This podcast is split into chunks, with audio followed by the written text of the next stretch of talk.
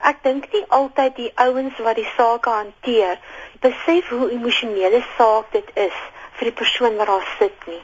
Jy doen aansoek vir onderhoud. Jy kan nie jou kinders kos gee nie. Nou neem net 'n goeie 3 maande wat jy iewers moet dink maar hoe gaan ek dit doen? Voordat hierdie saak vir die hof verskyn. Dan kan die saak verskeie kere uitgestel word. Cindy Groblaar, ma van twee wat vervreem is van haar man, moes haar loopbaan in Johannesburg prysgee omdat dit te duur geword het om in die stad te bly en sy geen onderhoud van haar vervreemde man gekry het nie. Sy sê voordat 'n egskeiding waarby kinders betrokke is toegestaan word, word 'n artikel 43 bevel uitgereik wat sal bepaal hoe onderhoud betaal moet word. Groblaar sê die kinderwet bepaal dat ouers verplig is om onderhoud aan hulle kinders te betaal. Dit het aanvanklik vir 'n paar maande gewerk en daarna het dit net verval en my 'n tydperk van 3 jaar geneem wat ek maandeliks onderhoudshof toe was en uiteindelik is daar aanvanklik onderhoud betaal vir R150 per kind en nou is ek daarom in 'n situasie waar ek R1000 kry.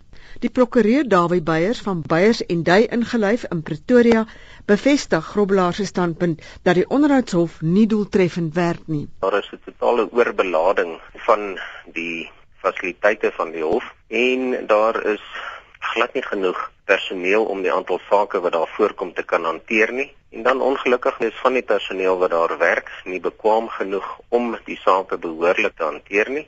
En ons kan soveel moeite doen as wat ons wil. Dit gebeur dat rekords wegraak, dat hele leers wegraak, dat daar net nie 'n behoorlike stelsel is nie. Die ander probleem met die eis van onderhoud is wanneer 'n man nie 'n vaste werk het en daar nie bewyse is van sy inkomste nie.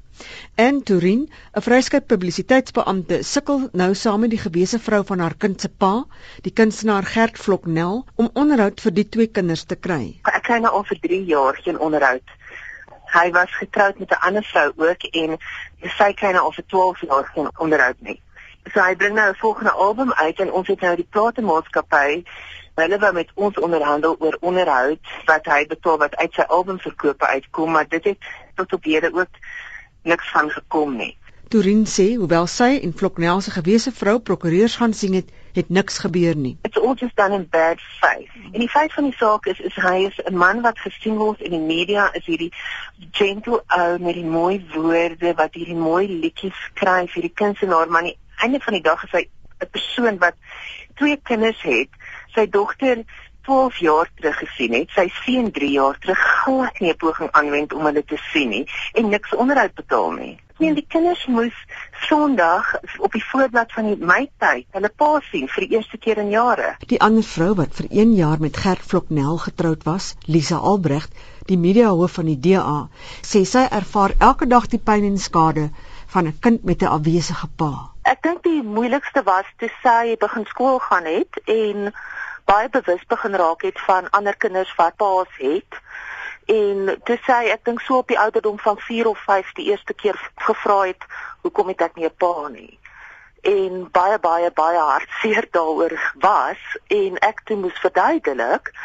En ek besef het dat dit help nie om vir te jok nie en dit help nie om dit wat gebeur het te probeer versag nie in haar tienerjare nou is, is dit ook vir haar moeilik En omdat ons nog grootliks in 'n samelewing leef waar die meerderheid kinders maar in jou tradisionele kerngesin opset groot word, is dit 'n deurlopende uitdaging.